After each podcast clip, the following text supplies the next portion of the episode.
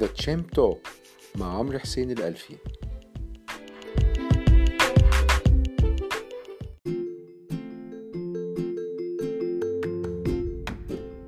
بسم الله الرحمن الرحيم. أهلا بكم في حلقة جديدة من البرنامج الأسبوعي تشامب توك أول بودكاست بالعربي عن الاستثمار. معكم عمرو حسين الألفي شريك مؤسس موقع marketchamp.com ودي الحلقة رقم 12 في حلقة النهاردة بنتكلم عن قاعدة الرجل الحكيم أو The Prudent Man Rule. دي قاعدة يمكن موجودة في الاستثمار من زمن. بتبص على الاستثمار بوجهة نظر معينة. هنبص عليها بتفصيل أكتر في الحلقة ديت وهنجاوب بيها على استفسارات حضراتكم اللي جات لنا واللي هي ماشية في نفس السياق بتاع ال prudent man rule أول حاجة ال prudent man rule هو طبعا حاجة يمكن ليها علاقة بالقانون أو حاجة ليها علاقة بإزاي ممكن يتم تطبيق القانون العام اللي في إنجلترا. ولكن إحنا بيتم استخدامها برضو في الاستثمار. إيه ال prudent man rule اولا هي بالعربي قاعدة الرجل الحكيم أو الرجل الحريص. بمعنى إن القانون دوت أو القاعدة ديت هي بتقول إن الراجل المستثمر اللي هيستثمر فلوسه أو فلوس حد تاني زي مثلا لو كان مدير استثمار إنه ياخد في اعتباره إن هو كأنه بيستثمر مش بس بيستثمر فلوس ناس ممكن تكون مهمة بالنسبة له العملاء بتوعه مثلا أو قرايبه لا إن هو بيستثمر فلوس الناس ديت كأنها فلوسه هو.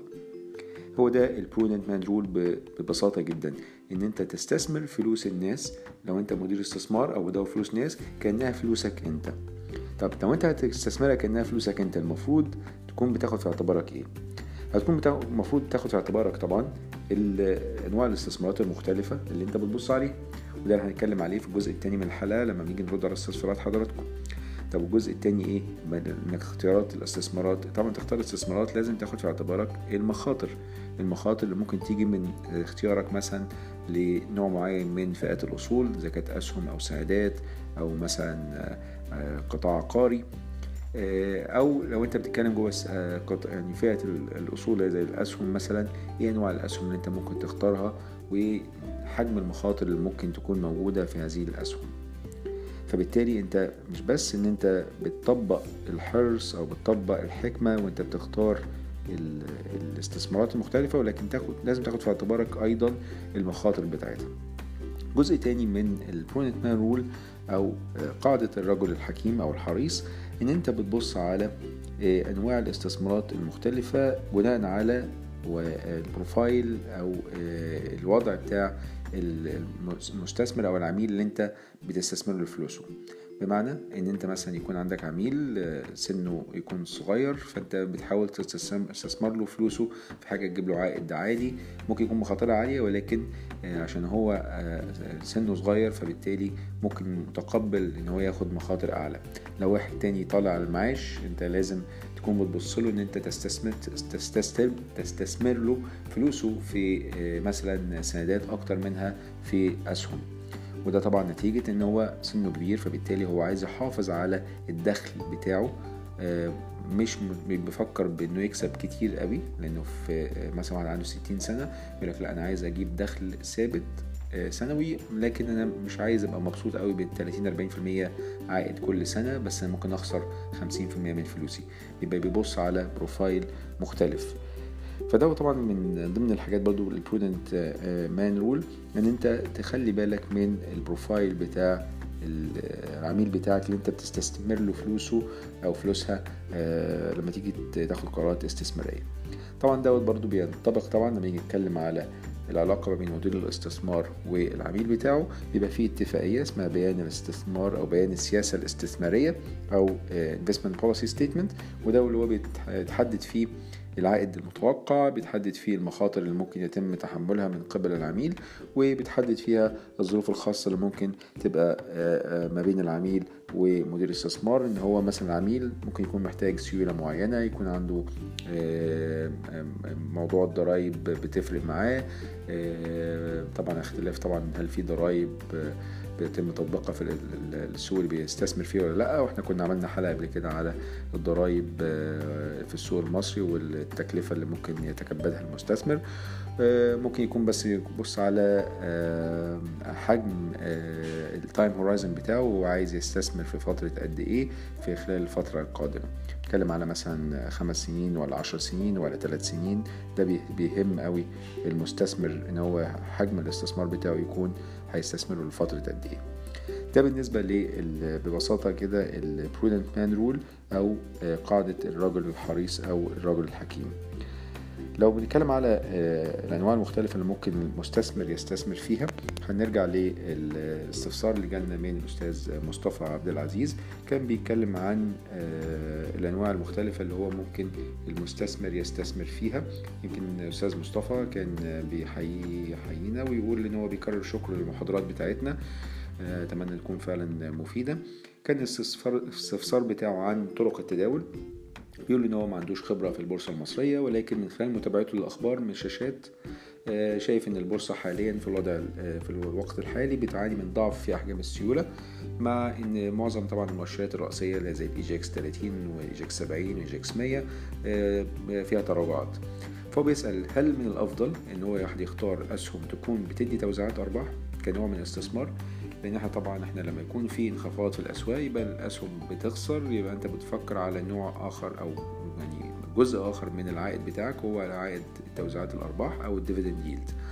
فهو بيقول هل يعني نختار أسهم بتوزع توزيعات أرباح ونبعد عن موضوع المتاجرة أو ال trading علشان التداولات اللي هي طبعا بتشوبها انخفاضات الفترة الماضية. ده أول استفسار. الاستفسار التاني بتاعه بيقول هل من الأفضل إن أنا أشتري أسهم دولارية وبالتالي يحافظ على أمواله كمخزن للقيمة في الدولار ولا ويكون برضه في نفس الوقت بتوزع أرباح ولا يختار أسهم تكون الليكويد أسهم ما فيهاش سيولة عالية علشان يتجنب انخفاض الأرباح أو انخفاض الأسهم يعني. هو هنا بيفكر إن هو طبعا يحط استثمارات في في السوق ولا كمان حتى يحط فلوسه كشهادة دولار شهادات دولارية في البنك. هنرد على الاستفسارات ديت من خلال الشرح بتاعنا. إحنا بنتكلم عن أول حاجة نرجع تاني لل prudent man rule إحنا بنتكلم على استثمارات مختلفة ممكن مستثمر يختار منها أو مدير الاستثمار يختار منها. فأول حاجة تعالى قبل ما نرد تفصيليا على الاستفسار بتاع أستاذ مصطفى عبد العزيز هنبص أول على أول حاجة على الأسهم. هنبص على فئة الاستثمار أو فئة الأصول اللي هي زي الأسهم ونختار ونركز في أنواع الأسهم المختلفة اللي ممكن المستثمر يختار منها. في كان شركة اسمها Morningstar Morningstar ديت شركة بتجمع بيانات عن صناديق الاستثمار المختلفة في العالم وكانت عاملة matrix أو مصفوفة من شقين. الشق الأول هو شق الحجم أو ال size والشق الثاني اللي هو ال style. بالنسبة للحجم يمكن هم عاملين ثلاث أنواع من الحجم واتكلمنا عليه يمكن في حلقات سابقة. عندهم large cap mid cap و small cap ال large cap اللي هي شركات الحجم الكبير mid cap شركات الحجم المتوسط small cap شركات الحجم الصغير. يمكن في بعض الشركات بتزود كذا نوع من أنواع الأحجام. بتزود نوع اسمه ال mega mega cap اللي هو أكبر بكتير جدا من ال large وبتزود نوعين أصغر من السمول في ال micro cap وفي ال nano cap. خلينا نتكلم على الأنواع ديت المختلفة كان من ناحية الحجم. طبعا بتختلف من السوق للتاني فأنت بتيجي عايز تحدد أنواع الأسهم اللي أنت هتستثمر فيها. طبعا عندك أسهم قطاعات مختلفة وهكذا لكن إحنا هنا بنبص على الحجم. حجم القيمة السوقية اللي هو عدد الأسهم المصدرة بتاعت أي شركة مضروب في سعرها فبالتالي ده بيدينا حجم القيمة السوقية. ولو خدنا السوق الأمريكي معانا ممكن نشوف كأكبر سوق في العالم حجم الشركات بيختلف طبعا من عنه عن أي سوق تاني. ولكن ناخد السوق الأمريكي بنتكلم عن الشركات ال mega cap. دي ممكن تبقى شركات القيمة السوقية بتاعتها أكتر من 200 مليار دولار. طب بالنسبة للشركات ال large cap تبقى ال market cap بتاعها ما بين 10 مليار دولار ل 200 مليار دولار. ال mid cap تبقى ما بين 2 مليار دولار ل 10 مليار دولار. ال small cap بتبقى أي شركة القيمه السوقية بتاعتها أقل من ال 2 مليار دولار. بالنسبة للسوق المصري طبعا هتلاقي إن معظم الشركات في مصر هتبقى هي في حدود ال small cap stocks. طب ال small cap نفسها جواها فيها نوعين النوع الأولاني اللي هو ال micro cap وفي ال nano cap. ال micro cap ممكن يبقى القيمه السوقية بتاعت الشركات وإحنا قلنا هي small cap بس فيها نوعين فبالتالي هي تحت ال 2 مليار. فهي ما بين 50 مليون دولار ل 2 مليار دولار. أما بالنسبة للنانو كاب هي بتبقى أي شركة القيمة السوقية بتاعتها أقل من 50 مليون دولار. ده بالنسبة لأحجام الشركات. فبالتالي أنا مهتم ليه أشوف أحجام الشركات لأنها بتختلف من آه، طبعا أداء آه، شركة للتانية على حسب حجمها. وطبعا لما يكون شركة حجمها صغير عادة بيبقى آه، معدلات النمو بتبقى مرتفعة فيها وفي نفس الوقت طبعا المخاطر بتبقى أعلى. على سبيل المثال ال mega cap stocks هتبقى شركات زي مثلا Apple هتبقى شركات زي أمازون على حسب القيمة السوقية بتاعتها. تقدر تبص على القيمة السوقية بتاعت أي شركة أونلاين. ده النوع الأول أو الشق الأول اللي ممكن نبص عليه للأسهم أو نحدد نوع الأسهم من الحجم. وممكن النوع الآخر أو الشق الآخر اللي هو ال style. ال style في ثلاث أنواع من ال style في value growth و blend ال value اللي هو القيمة وال growth النمو و blend اللي هو خليط ما بين الاتنين ما بين ال value وال growth لو ببساطة كده هنبص على آه، تعريف إيه هو ال value stock وإيه ال growth stock وال blend stock ال value stock هو آه، الأسهم اللي فيها قيمة. الأسهم فيها قيمة طبعا إحنا ممكن يبقى فيه مش معنى كده إن في أسهم ما فيهاش قيمة لا هو قصده هنا إنه الشركات اللي هي تعتبر established الشركات بقى لها فترة آه، شغالة عادة الشركات ديت ما بتبقاش فيها excitement قوي. هي شركة بقالها سنين آه، مؤسسة فيها أرباح تاريخية فيها أرباح مرحلة بصورة كبيرة عندها حجم أصول كبير آه، وبالتالي معدلات النمو بتاعتها ممكن متبقاش عالية قوي وفي نفس الوقت بتوزع أرباح كتيرة على زي ما بنتكلم عن موضوع توزيع الأرباح هي عادة بتبقى الشركات الكبيرة اللي هي ال value stocks هي دي بتوزع أرباح بصورة كبيرة. آه، بالنسبة للتقييمات بتاعت الشركات ديت عادة بتلاقي مضاعف الربحية بتاع هذه الشركات منخفض. يعني ممكن تلاقي بتتداول على مضاعف ربحية عشر مرات تسع مرات سبع مرات. دي سبب برضو السبب إن هو معدلات النمو بتاعتها منخفضة. لو بصينا على النوع الآخر من الأسهم أو من ناحية ال style هو ال growth growth stocks أو الأسهم النمو. أسهم النمو عادة بتبقى شركات لسه آه، ناشئة لسه مبتدئة آه، فيها معدلات نمو عالية. لسه كنا بنتكلم من من كذا يوم عن طرح شركة فوري في السوق المصري. دي تعتبر شركة growth stock وبالتالي لما تيجي تبص على مضاعف الربحية بتاعها بتلاقي مضاعف الربحية مش عشرة وتسعة وثمان مرات لا ممكن تلاقيه خمسين وستين وسبعين مرة. ده ليه؟ لأن معدلات النمو بتاعتها بتبقى عالية فبالتالي مضاعف الربحية بيبقى عالي لأن هو بيبص على الأرباح مش السنة اللي فاتت ولا السنة الجاية بيبص على الأرباح اللي هي هتيجي كمان خمس سنين أو عشر سنين. ال blend طبعا. بالنسبة طبعا شركات الجروس برضو ممكن يكونش بتوزع أرباح أصلا يعني لأن هي لسه في معد... في مرحلة النمو. أما بالنسبة للجزء الثالث النوع الثالث لو من ال style هو ال blend stock. ال blend stock هو بيجمع ما بين ال value وال growth حاجة in between عنده ملامح من الأسهم القيمة وعنده ملامح أيضا من الأسهم بتاعة النمو. دي يمكن لو أنا برد على الأستاذ مصطفى عبد العزيز آه، هنلاقي إن الأسهم ممكن أول حاجة أصنفها آه، في الأنواع ديت. طبعا لو أنا رسمت المصفوفة ديت بتاعت Morningstar هتلاقي إن هي حطها مثلا آه، في مربع. المصفوفة ديت هتبقى فيها تسع آه، خانات. طبعا في خانة الحجم فيها تلاتة وخانة ال style فيها تلاتة. يعني نحط الحجم كده مثلا نحطه أفقي وخانة ال style ممكن نحطها رأسي. وتبقى دي شكل المصفوفة بتاعت Morningstar آه، طبعا ممكن تعملها هي actually بتاعت Morningstar مختلفة يعني تعملها العكس يعني هي whatever المصفوفة هتعملها أفقي أو رأسي هي في الآخر آه، هتحط ال size آه، أفقي أو رأسي هتحط الناحية التانية ال style عكسه طبعا رأسي أو أفقي. طيب أنا دلوقتي عملت كده إيه الفايدة في القصة دي كلها؟ إن أنا عايز أشوف الأسهم اللي أنا هبص عليها. لو أنا أخدت الأسهم اللي في السوق كلها وحددت نوعها هعرف هي موجودة في أنهي مربع من المربعات ديت. هل هي large و value ولا هي mid و blend ولا هي small و growth ولا هي small و value ولا هي large و growth تمام؟ فأنت عندك تسع مربعات كده. التسع مربعات دولت لما في تلاتة في تلاتة. أنت بتعرف الأسهم اللي في السوق في أنهي حتة. ده بيهمني ليه؟ برضو بيهمني لأن يكون في اتجاه معين في السوق. مثلا نفترض زي الوضع الحالي في السوق المصري في داون ترند بقالها فترة وفي انخفاضات كبيرة. فأنا كمستثمر ببص على الاسهم اللي هي هتديني عائد عائد توزيعات. لأن برضو حاجة مهمة جدا إن ممكن المستثمرين اللي بيبصوا على الاستثمار على المدى القصير إحنا قلنا إن كلمة مستثمر دي المفروض إن هو طويل الأجل لكن في بعض الناس اللي هي التريدرز بيبصوا على الاستثمار أو البيع والشراء في الأسهم على المدى القصير. فبالتالي ما بيبصش على توزيعات الأرباح ولكن جزء كبير جدا مهم جدا من العائد اللي ممكن المستثمر يجيله من استثماره في الأسهم هو العائد على توزيعات الأرباح أو ال dividend yield اللي هو الشركة بتيجي توزع لك كوبونات ممكن توزع كل سنة توزع كل ست أشهر توزع كل ربع سنة. توزيعات الأرباح دي تعتبر جزء من العائد بتاعك.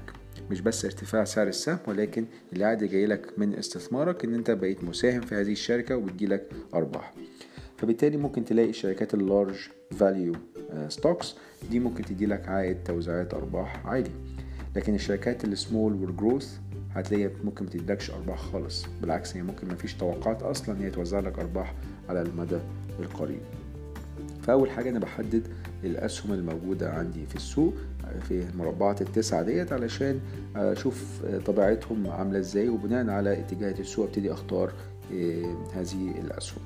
بالنسبة لسؤال أستاذ مصطفى عبد العزيز الأسهم اللي هو نبص عليها هل أختار أسهم توزيعات أرباح ولا تاجر؟ طبعا لما يكون في اتجاه هابط. المتاجرة ممكن تبقى صعبة شوية خصوصا لو أنت السوق بتاعك مفهوش short selling أو البيع المكشوف. السوق المصري خلاص تم تطبيق ال short selling فيه ولكن لسه الآلية نفسها لم يتم تفعيلها من قبل شركات السمسرة لما بياخدوا التراخيص مؤخرا ولكن التطبيق الفعلي لم يتم. once إن التطبيق يتم ده بيبقى سهل إن أنت في اتجاه هابط إن أنت ممكن تستفيد من انخفاض أسعار الأسهم إن أنت ممكن تبيع السهم حاليا وطبعا أنت يكونش معاك السهم فبتستلف السهم وتبيعه. وبعد كده تشتري السهم مرة أخرى لما سعره ينخفض عشان تكسب الفرق دوت. طبعا مشكلة ال short selling إن أنت ممكن يبقى فيه ما في يعني حد يعني الخسارة هنا غير موجود هو unlimited. لأن أنت ممكن سعر السهم يرتفع معاك لما لا نهاية فبالتالي ما فيش limit للخسارة. طبعا أنت بتبقى بتراقب الخسارة بتاعتك لو سعر السهم ارتفع ان تقفل ال position بتاعك عشان تقلل الخسائر بتاعتك. ده طبعا لو كان في اتجاه هابط بالنسبة للأسهم يبقى أنت بتبص على استخدام آلية زي آلية ال short selling أو البيع المكشوف. غير كده إحنا بنشتري long بنبقى نشتري السهم وبعد كده نبيعه. طيب أنا هشتري السهم على المدى القصير ولا المدى الطويل؟ لو هشتري على المدى القصير يبقى مش فارق معايا توزيعات الأرباح. لأن توزيعات الأرباح لما بيحصل إيه؟ لما توزيعات الأرباح السهم بيوزع أرباح سعر السهم بينخفض بتوزيع الأرباح. أنا بشبه السهم هنا كأنه ورقة آه عفوا زهرة أو وردة. وده استكمالا برضو للتشبيه اللي أنا كنت اتكلمت عليه في الأول خالص هو الاستثمار عامل جاي من الثمرة. فأنت هتقول عندك دلوقتي سهم عبارة عن وردة الوردة دي فيها أوراق مختلفة.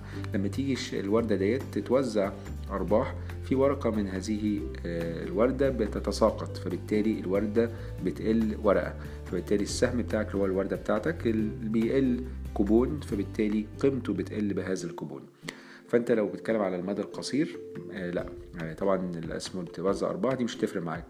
لكن بتتكلم على المدى الطويل آه طبعا الشركات اللي بتوزع أرباح دي بتقلل لك أي خسارة ممكن تكون عندك نتيجة انخفاض أسعار الأسهم وبت آه يعني مثلا أنت خسران مثلا في السهم 10% على المدى في خلال سنة لكن خلال السنة ديت الشركة وزعت لك 4% يبقى أنت كده مش خسران 10% أنت خسران 6% فدي بتقلل لك الخسائر بتاعتك. بالعكس ممكن تكسبك كمان. ممكن يكون الشركة سهمها كان نازل خمسة في المية ووزعت لك أرباح سبعة في المية أنت كده كسبان اتنين في المية. فدي طبعا مهمة جدا الشركات بتوزع أرباح على المدى الطويل لو السوق في اتجاه هابط. بالنسبة للسؤال الجزء الثاني من السؤال هل أنا أشتري أسهم دولارية كمخزن القيمة ولا لأ؟ أولا اختيار العملة طبعا ده بيعتمد أو اختيار الأسهم اللي في عملة مختلفة بيعتمد على توقعاتك للأداء بتاع هذه العملة مقارنة بالعملة المحلية بتاعتك. لو إحنا بنفترض إن العملة المحلية بتاعتنا مثلا الجنيه المصري وعايز عندي أسهم دولارية في السوق زي مثلا أسهم قردة كويتية نايل سات في أسهم مختلفة معدودة يعني ولكن في أسهم دولارية في السوق أنا أختار الأسهم ديت بناء على إيه؟ طبعا أنا أول حاجة بختار الشركة نفسها الشركة تكون أدائها كويس أرباحها بترتفع فيها معدلات نمو العائد على الاستثمار بتاعها والعائد على حقوق الملكية عالي في مضاعف الربحية ما يكونش عالي بتوزع أرباح كل الكلام ده كويس ولكن ده بينطبق على كل أنواع الأسهم مش بس الأسهم الدولارية لكن لما أجي أتكلم على الاسهم الدولارية لازم آخد في اعتباري إن أنا مستثمر العملة بتاعتي مثلا الجنيه فلازم آخد في اعتباري آه، أداء العملة الجنيه المصري قصاد الدولار. فنفترض إن أنا استثمرت في الاسهم الدولارية في بداية 2019 وكمان بعدها بست أشهر اللي الوضع بتاعي هيكون حصل فيه إيه؟ لو أنا مستثمر في الاسهم الدولارية ونفترض إن الاسهم الدولارية دي بتاخد نفس اتجاه السوق كنا هنلاقي إن الاسهم الدولارية بتاعتي بتنخفض مع السوق ولكن أنا كمان عندي اسهم دولارية لو جيت أحولها بالجنيه المصري هتلاقي إن أنت كمان خسران أكتر. آه، في هذه الأسهم. فبالتالي لو أنا شايف إن الدولار هينخفض لا يبقى أنا أبعد عن الأسهم الدولارية. لو أنا شايف الدولار هيرتفع لا ممكن أستثمر في الأسهم الدولارية. فأنا كده بتكلم زودنا شق ثالث كده للعائد من الاستثمار. الشق الأولاني هو ارتفاع وانخفاض سعر السهم. الشق الثاني هو العائد التوزيعات. والشق الثالث هو المكسب أو الخسارة من العملة. طبعا ده لو أنا العملة المحلية بتاعتي هي الجنيه المصري أو عملة مختلفة غير الدولار وأنا عايز آه، بحسب العائد بتاعي على الجنيه المصري. هل ده اخليه كمخزن القيمة ولا لأ؟ أو ممكن تخليه كمخزن القيمة. ده هيبقى هنا اختيار مختلف. على سبيل المثال آه، أنا شخصيا كان عندي أسهم في آه، شركة بالعملة الدولارية وبقالي مثلا كان معايا بقالي عشر سنين. خلال العشر سنين ديت يمكن السهم الدولاري ده نفسه انخفض تمام؟ فأنا خسران فيه. فأنا خسران في الجزء الأولاني اللي هو آه، سعر السهم. أنا خسران فيه. الشق الثاني اللي هو توزيعات الأرباح. الشركة كانت توزع أرباح فأنا كسبان شوية فقللت خسارتي. الشق الثالث هو ده اللي عوضني آه، يمكن عوض الخسارة الكبيرة بتاعت انخفاض سعر السهم خلال العشر سنين وهو الشق بتاع العملة. إن الدولار طبعا لما حصل تعويم من الجنيه المصري أنا الدولار ارتفع بصورة كبيرة فبالتالي أنا كسبان بالجنيه المصري. آه ممكن على الاوفر اول أنا خسران بالدولار. ولكن بالجنيه المصري أنا كنت كسبان. طيب إيه طب لو أنا سامي كان بينزل وينخفض أنا كنت مستثمر فيه ليه؟ وسايبه معايا ليه؟ أنا كنت مستثمر فيه علشان حتة المخزن بتاع القيمة. إن هو شايف إن هو مع المدى الطويل آه، نظرية ال purchasing power parity بتاعت آه، القوة آه، الشرائية بتاعت العملة قصاد العملة الأخرى بتقول إن هو طول ما أنت عندك أسعار التضخم عالية مقارنة بأسعار التضخم في العملة الأخرى والدولة الأخرى زي أمريكا. يبقى أنت على المدى الطويل هيحصل انخفاض في عملتك مقارنة بالعملة الأخرى هي الدولار. فبالتالي بالنسبة لي كانت مخزن للقيمة. أنا هنا ما كنتش عامل مراهنة أو رهان أو براهن على آه، أداء الدولار قصاد الجنيه ولكن كنت بقول إن أنا عندي شوية دولارات خلاص أنا هحطها دولارات. مش هاخد آه، مش هعمل call أو آه، برايي أحدد والله الدولار هيطلع ولا ينزل وبالتالي باخد position دولاري أو بوزيشن جنيه المصري. لا أنا كنت بقول أنا عندي شوية دولارات جات لي من أي مصدر لا بدل ما أنا أحولهم للجنيه المصري وأخسر في العملة لا خليهم زي ما هم دولار. طب أخليهم زي الدولار حي في البنك؟ من ضمن الأسئلة كان أحطهم في الشهادة الدولارية ولا؟ لا الشهادة الدولارية دي ممكن تديك عائد قليل جدا ممكن تديك 3 4% إيه لا طب أنا أحطهم بدل ما أحطهم في شهادة دولارية أحطهم في أسهم دولارية. ممكن تجيب لي عائد جزء لو منه اللي هو سعر السهم ارتفاع سعر السهم. الجزء الثاني اللي هو العائد على التوزيعات والجزء الثالث اللي هو لو طبعا الدولار ارتفع قصاد الجنيه أنا بقى كسبان أكتر بتقييمي للمحفظة بتاعتي بالجنيه المصري فلما احطها كمخزن القيمه يبقى أنا حاطط فلوس. أنا كده كده مش عايز أحولها للجنيه المصري أو لعملة تانية فأنا بخليها آه، كدولار. والدولار دوت مع المدى الطويل لو هيرتفع يبقى أنا كده بستفيد من الارتفاع دوت.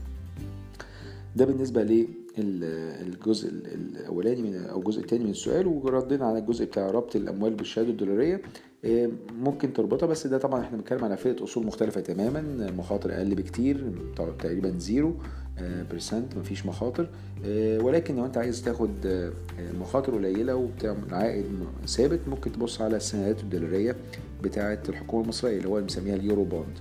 دي ممكن تدي لك عائد يعني 6 7 8% على السنة.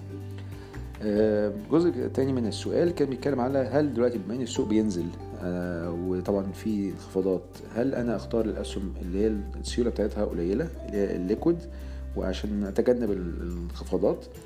هو الحقيقة يعني لما السوق بينزل مش كل الأسهم طبعا بتنزل وفي أسهم بتطلع بس نوعية الأسهم اللي بتطلع ممكن يبقى ليها آه، سبب محدد ليه علاقة بالشركة نفسها وملوش علاقة بالسوق ككل.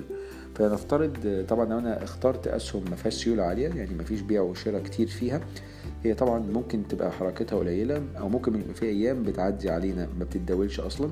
فبالتالي لو السوق نزل النهارده أجي ابص على السهم اللي أنا شاريه ألاقي مفيش تداولات حصلت النهارده فالسهم ما نزلش ولا طلع.